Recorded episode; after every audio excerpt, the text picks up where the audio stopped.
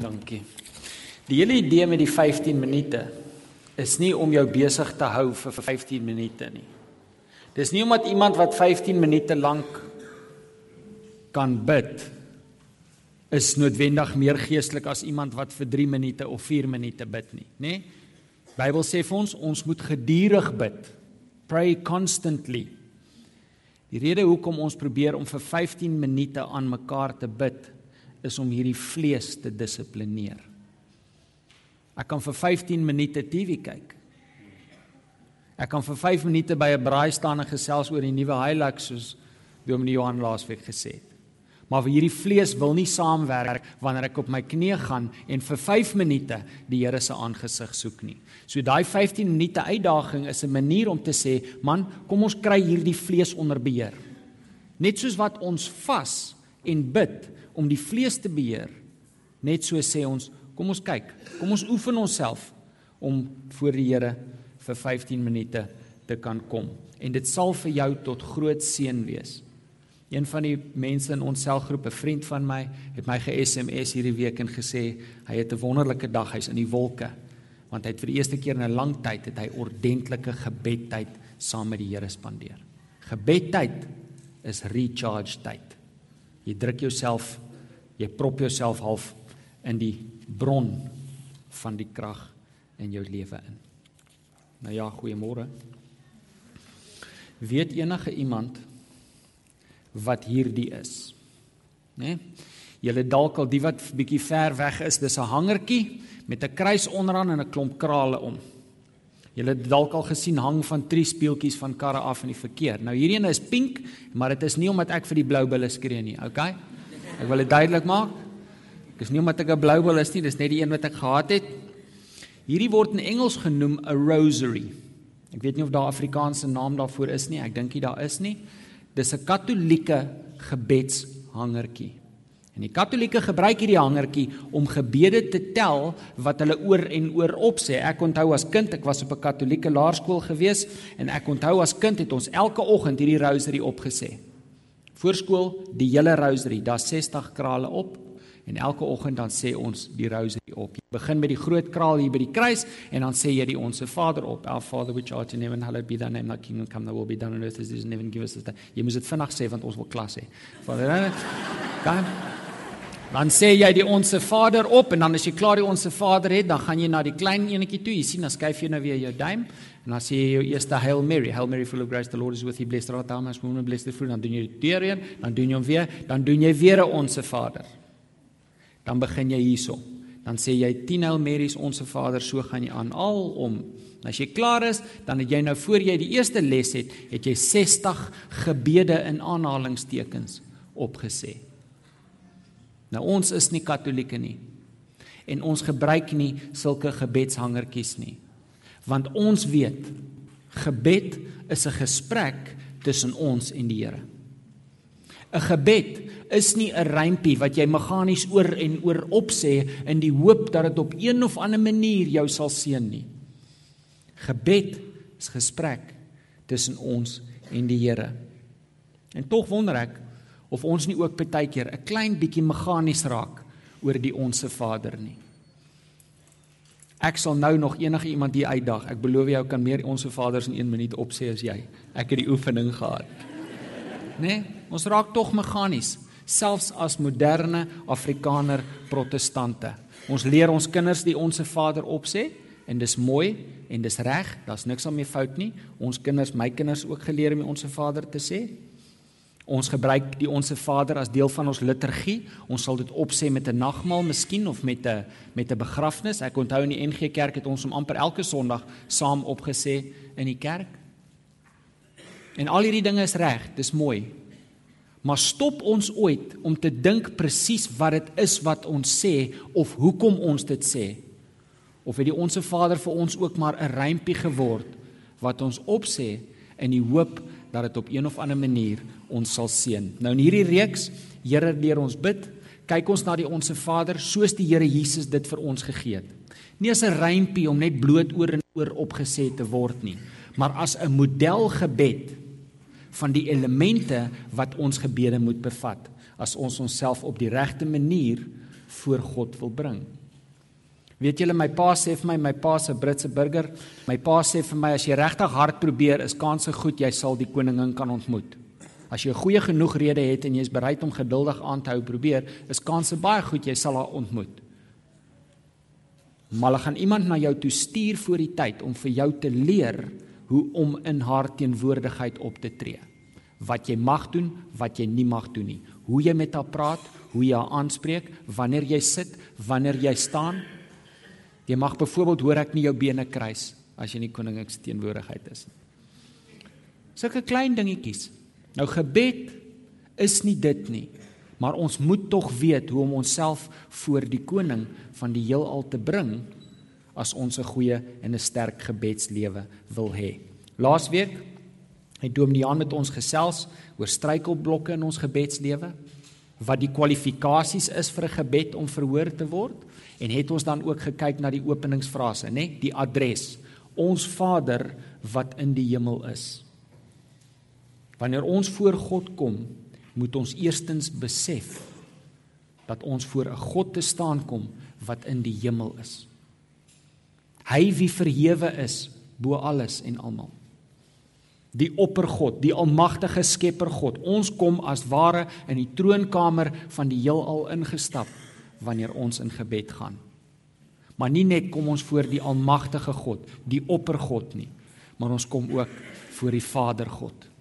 Die God van liefde, die God van genade. Dominiaan het laasweek gesê daar is net een persoon wat die koning in die middel van die nag mag wakker maak vir 'n glas melk en dis sy kind. So ons ons as God se kinders kan met vrymoedigheid na die Here kom, met respek, met nederigheid. Maar met vrymoedigheid want ons weet ons Vader het liefde en genade vir ons. Amen. Vanoggend kyk ons na die tweede frase van die gebed: Laat U naam geheilig word. Kom ons sluit die oë.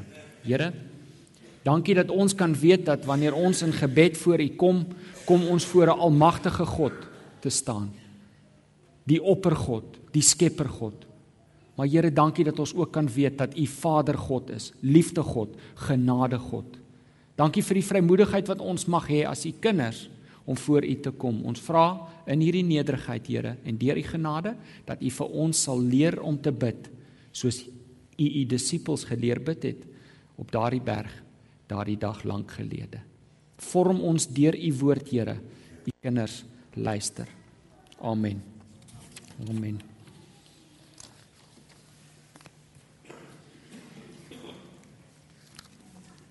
Please turn in your Bibles with me to Matthew 6.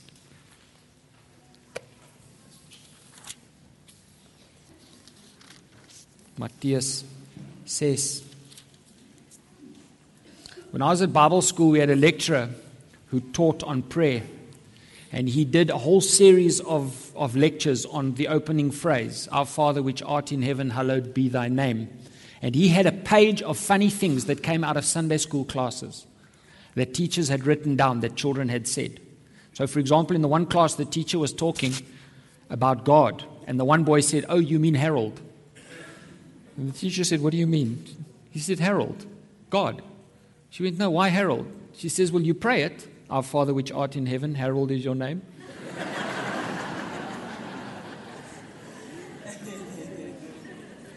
Or the boy who couldn't understand why you begin every prayer with Our Father which art in heaven, hello, what's your name? Does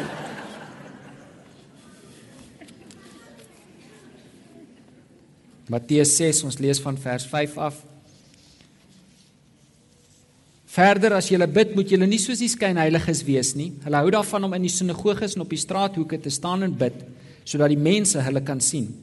Dit verseker ek julle, hulle het hulle beloning klaar weg. Nee, as jy bid, gaan na jou kamer toe, maak die deur toe en bid tot jou Vader wat jy nie kan sien nie. Jou Vader wat sien wat verborge is, sal jou beloon.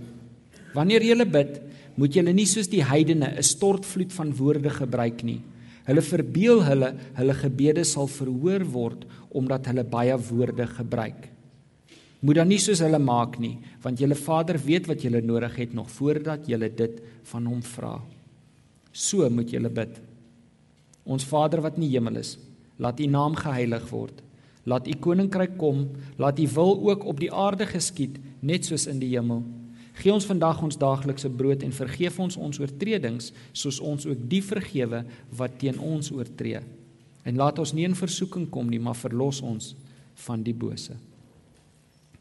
Ons Vader wat in die hemel is, laat u naam geheilig word. Na die adres ons Vader wat in die hemel is, is laat u naam geheilig word, die eerste frase van die gebed. Dit is ook die eerste versoek in die gebed. Dis 'n versoek.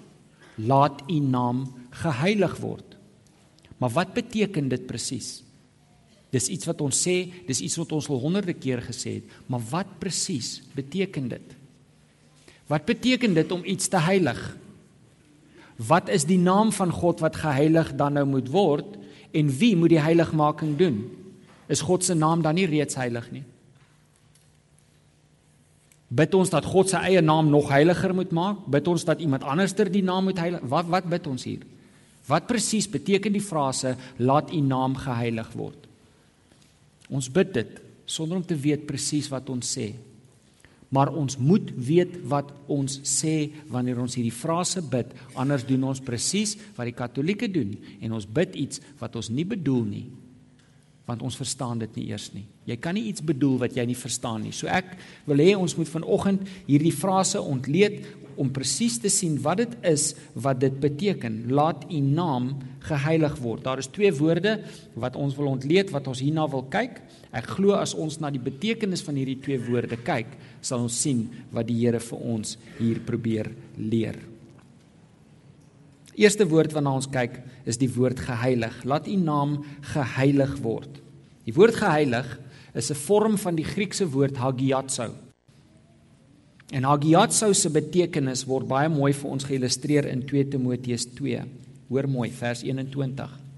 As iemand hom van die kwaad gereinig het, sal hy 'n voorwerp vir besondere gebruik wees. Dan sal hy vir die eienaar afgesonder en bruikbaar wees voorberei vir enige goeie diens. Die King James Bible praat van a vessel of honor. It says there that if we keep ourselves holy, we will be vessels of honor in God's hand. Wat Paulus vir Timoteus sê is, as jy jou weerhou van die sonde, as jy jou reinig van die sonde, as jy bekeer voor die Here, dan is jy afgesonder en word jy bruikbaar vir die eienaar, dis die Here, vir 'n spesiale doel. En dit is presies wat die woord geheilig of heilig dan nou beteken. Hagiat sou beteken op julle raamwerk is daar 'n plekkie geheilig of heilig beteken afgesonder en verhef. Afgesonder en verhef. En as jy nog spasie het, kan jy daar bysit veral vir 'n spesiale doel. Afgesonder en verhef is wat die woord geheilig beteken. Ek onthou as kind was daar 'n kas in ons huis. Daar was 'n hele kas gewees vol breekgoed.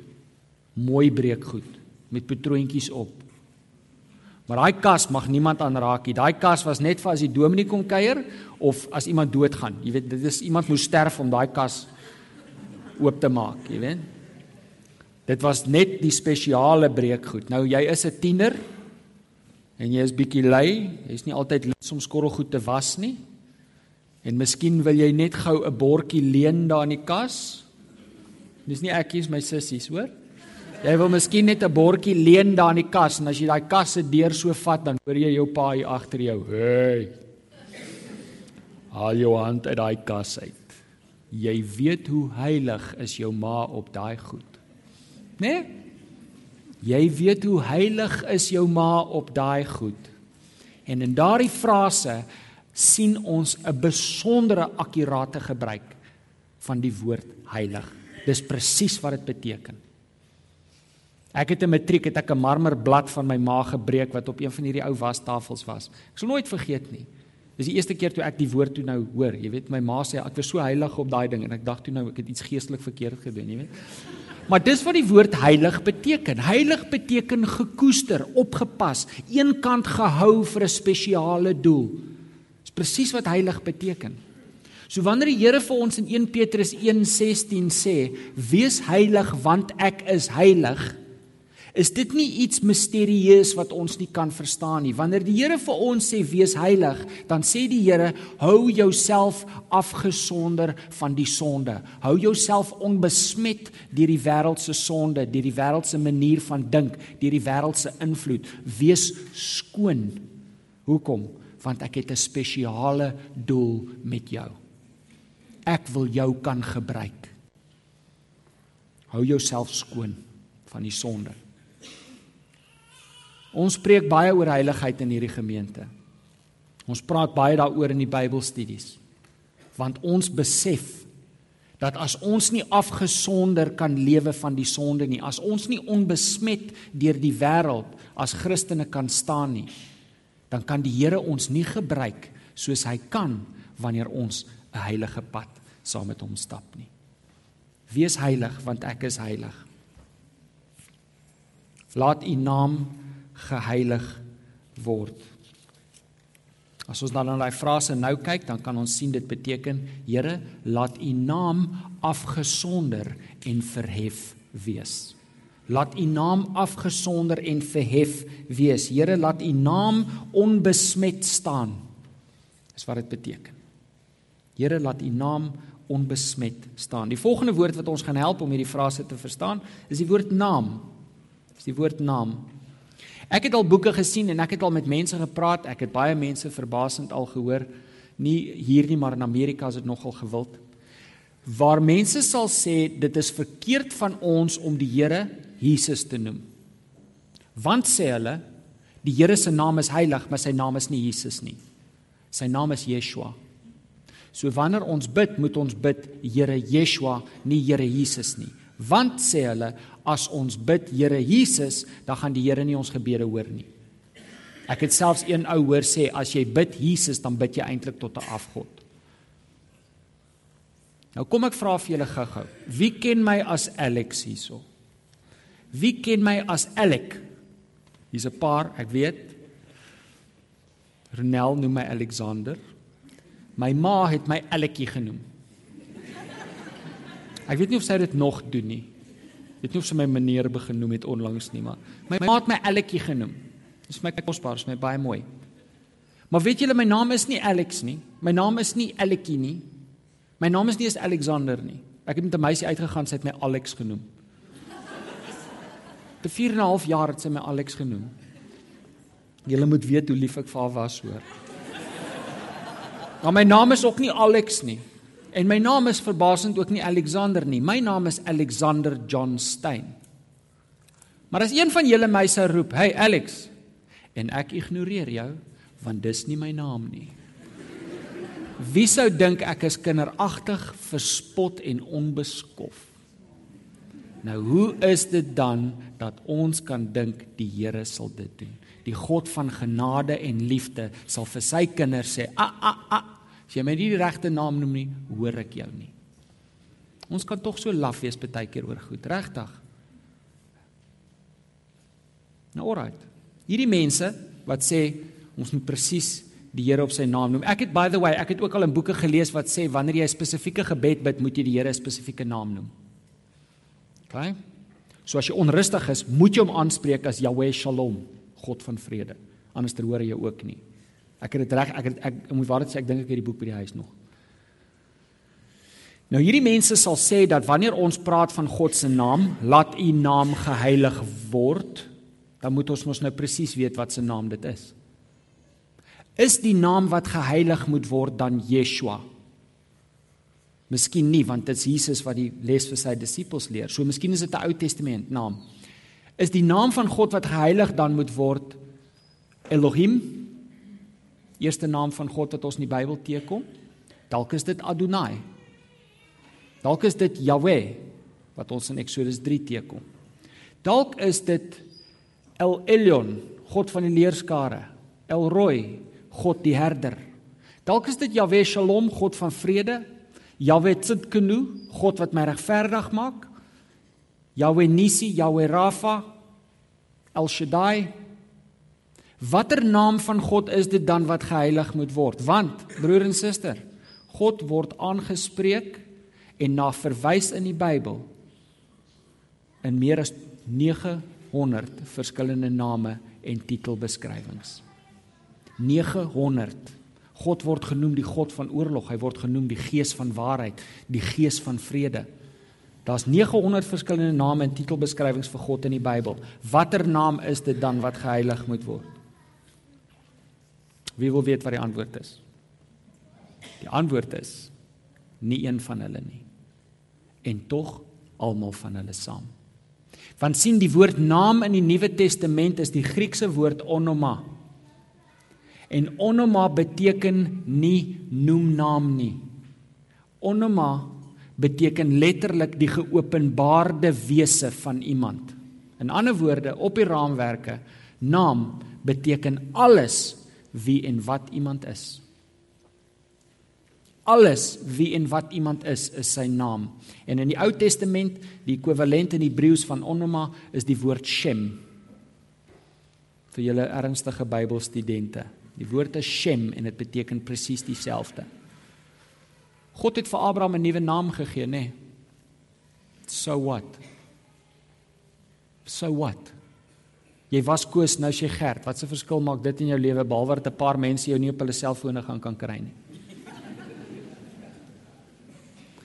Abraham se noemnaamverandering was simbolies van die werklike verandering in sy hart. Die Bybel sê vir ons in Hebreërs 11 Abraham het God geglo en dit is aan hom toegereken as geregtigheid. In ander woorde Abraham het sy hart vir die Here gegee en die Here het hom 'n nuwe naam gegee. Hy het hom 'n nuwe wese gemaak.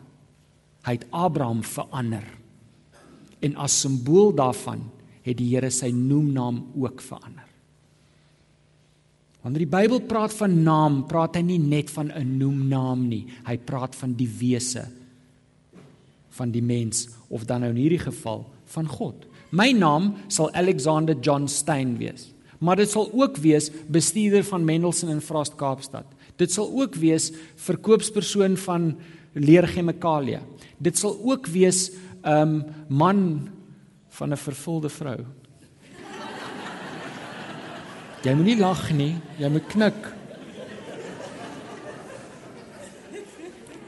Soetste kind van Henk en Magda Steyn. Ten spyte van wat hulle sal sê. Pa van 3 kinders. Dit sal wees X8 eskader, X3 valskerm bataljon, X soldaat. Dit sal wees ehm um, weet jy matriekkwalifikasie. Diploma in teologie. Dit sal wees oudering by Tygerberg Gesinskerk. Alles wie en wat ek is word saamgevang in hierdie konsep van naam. Daar's 3 baie belangrike aspekte aan hierdie konsep naam waarna ons vanoggend wil kyk. En hulle is gesag, posisie en reputasie. Gesag, posisie en reputasie. Sien jou naam in die Bybel het vir mense gesê wie en wat jy is as ware. Watter rang beklee jy in die samelewing? Watse gesag het jy? Wie luister as jy praat? En wat dink die mense van jou? Dit het baie te doen gehad met die konsep naam en ons gebruik die woord ook so, né? Nee? Ons sal sê iemand het sy naam met 'n plank geslaan. Nou niemand vra wat se naam nie. Né? Nee? Ons weet wat dit beteken. Dit beteken hy het sy reputasie skade aangedoen. So ons gebruik ook die woord naam vir reputasie. En as dit kom by posisie en gesag, doen ons presies dieselfde. Jy noem nie jou baas Pel nie. Jy noem hom meneer. Dit dui sy posisie aan, dit dui sy gesag aan, dit word deel van sy naam. Ons sal sê daai firma het 'n goeie naam in die bedryf, jy kan maar met hulle werk. Dit beteken hulle het 'n goeie reputasie, hulle beklee 'n sterk posisie in die bedryf. Hulle is gesagdraand in hierdie veld goeie diens, hulle het goeie personeel, goeie produkte, wat ook al dit is. Dit sê iets van die firma meer as net wat ons hom noem. OK?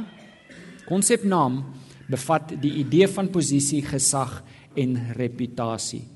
Dus die frase Here laat u naam geheilig word kan verstaan word as Here laat u hele wese verhef wees bo alles. Here laat u gesag as die hoogste gesag geag word. Here laat u posisie as die hoogste posisie geag word en Here laat almal u sien soos u werklik is Here, laat almal en alles opkyk na U. sien aan die begin van die gebed kom ons voor God en ons sê ons Vader wat in die hemel is. Ons sê Here, U is almagtige God, U is verhewe God, U is oppergod, maar U is ook genade God. U is ook Vader God en U is ook liefde God. Laat almal dit sien. Laat almal dit weet en laat almal U as sulks erken. Eenvoudig eintlik, né? Nee? Pragtige manier om die gebed te begin. Here, laat ander mense U ken soos ek U ken. Here, laat ander mense U sien soos ek U sien. So hoe gaan dit gebeur? Hoe gaan hierdie naam van God dan nou verhef word? Hoe gaan ander mense God sien soos ons hom ken, soos hy werklik is? Op die raamwerke nommer 1. God se gesag word erken wanneer ons sy woord eer.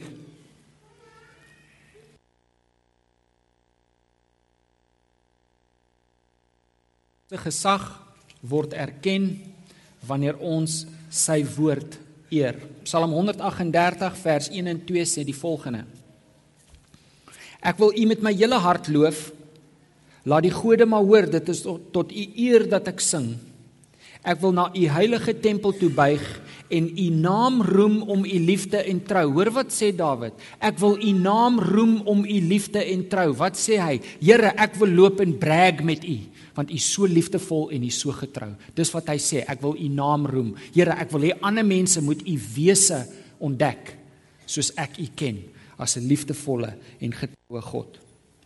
Ek wil u naam roem om u liefde en trou want u het u naam en u woord bo alles gestel. Nou die Hebreëus vir daai vers kan letterlik gelees word as u het u naam u wese en u woord saam op gelyke vlak verhef bo alles. Daardie vers sê vir ons dat God se woord en God se naam sy wese op dieselfde vlak of posisie verkeer. God en sy woord is een. Johannes 1 vers 1 sê in die begin was die woord, die woord was met God en die woord was God. God en sy woord is een.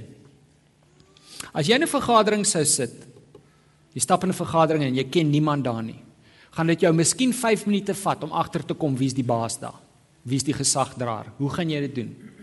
Jy gaan stil sit en luister. Die een wat daar sit, wie se woorde die meeste punte tel, hy's die baas. Hy's die gesagdraer. Wanneer hy praat, luister almal. Jy gaan vinnig agterkom wie se woord is wet in hierdie kamer. Want die gesagdraer word geëer deurdat sy woorde geëer word. Né? Nee? 'n Gesagdraer word geëer deurdat sy woorde geëer word. As jy by die werk jou baas se woorde minag, jou baas gee vir jou instruksie, jy besluit jy gaan iets anders doen en jy doen jou eie ding nie wat hy gesê het nie, dan gaan jy aangekla word. Jy gaan 'n dissiplinêre verhoor 10 teen 1 ondergaan. Maar hulle gaan jou nie aankla dat jy die baas se woorde minag het nie. Waarvoor gaan hulle jou aankla? Jy het hom minag. Want selfs ons as mense herken dat mense se woorde die draers is van hulle gesag. Jou woorde is die draer van jou gesag in jou huis. Jou woorde is die draer van jou gesag by die werk. Wie het al ooit vir 'n kind gesê ek het klaar gepraat? Haar sê ken jy, ek sien hy aan praat. Ek het dit al baie gesê. Ek het klaar gepraat. Wat sê jy eintlik vir die kind? Onthou wie's baas bel. Né? Nee? Ons woorde is die draers van ons gesag en net so is dit met God. Die manier hoe ons as mense die woord van God benader, is die manier hoe ons God benader. As ons die God uh, as ons die woord van God verwaarloos in ons lewe, dan verwaarloos ons in 'n sin die Here self. As ons rebelleer teen die woord van God, dan rebelleer ons teen God. Ons kan nie sê hier is God en ons wil hom eer, maar hier is sy woord en ek dink regtig ons moet hierna weer kyk nie. Ons wil die Here eer. U is oppergod, U is almagtige God, maar Here, hierdie ding moet ons nou hierdie ding moet ons uit die Bybel haal. Hierdie ding pas nie meer by ons moderne gemeenskap in nie. Ons dink daarom nou anders. Jy weet, dis daarom al die 21ste eeu nê.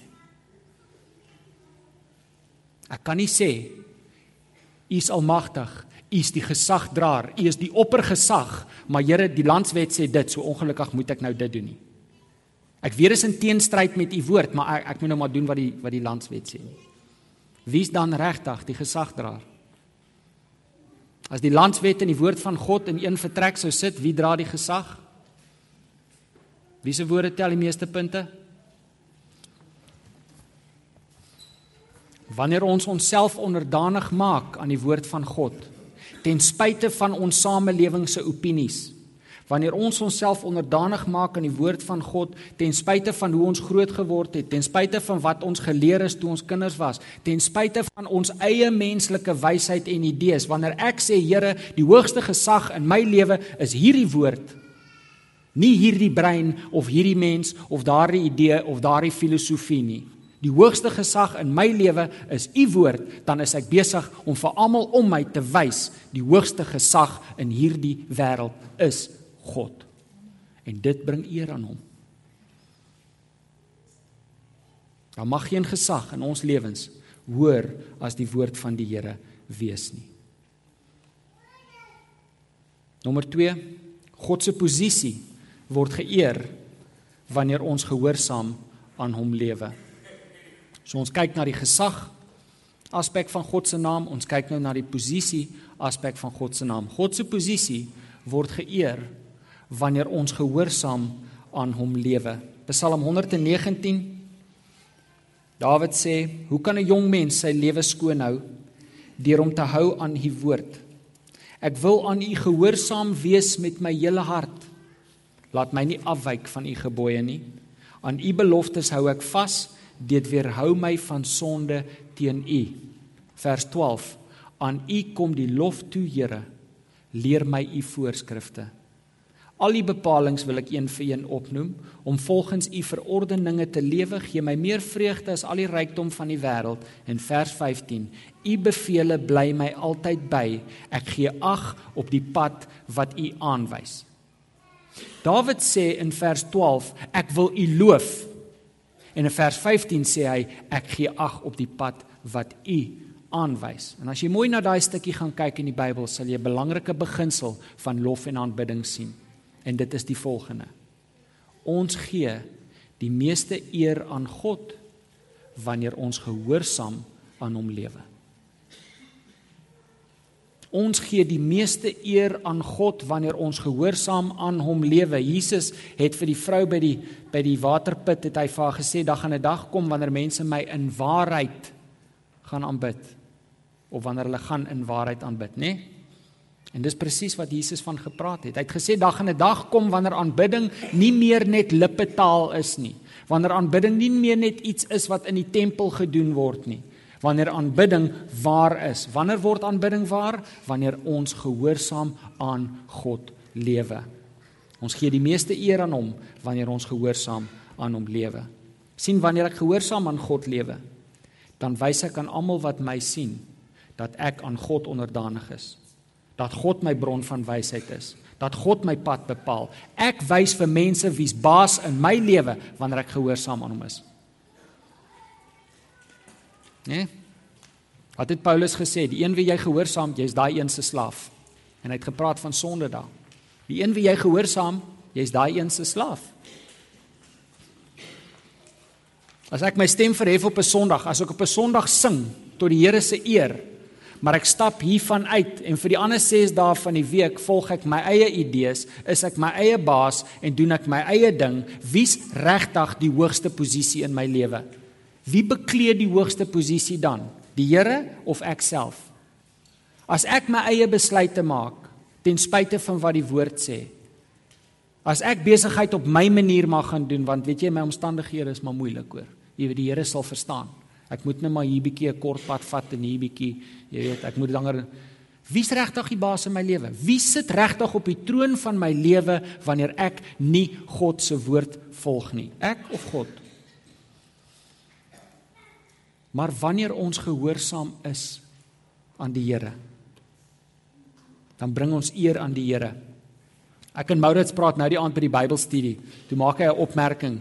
Hy sê, "Weet jy, as jy 'n soet kind sien, dan dink jy sommer beter van sy ouers." Né? Nee? Die teenoorgestelde is ook waar, hoor?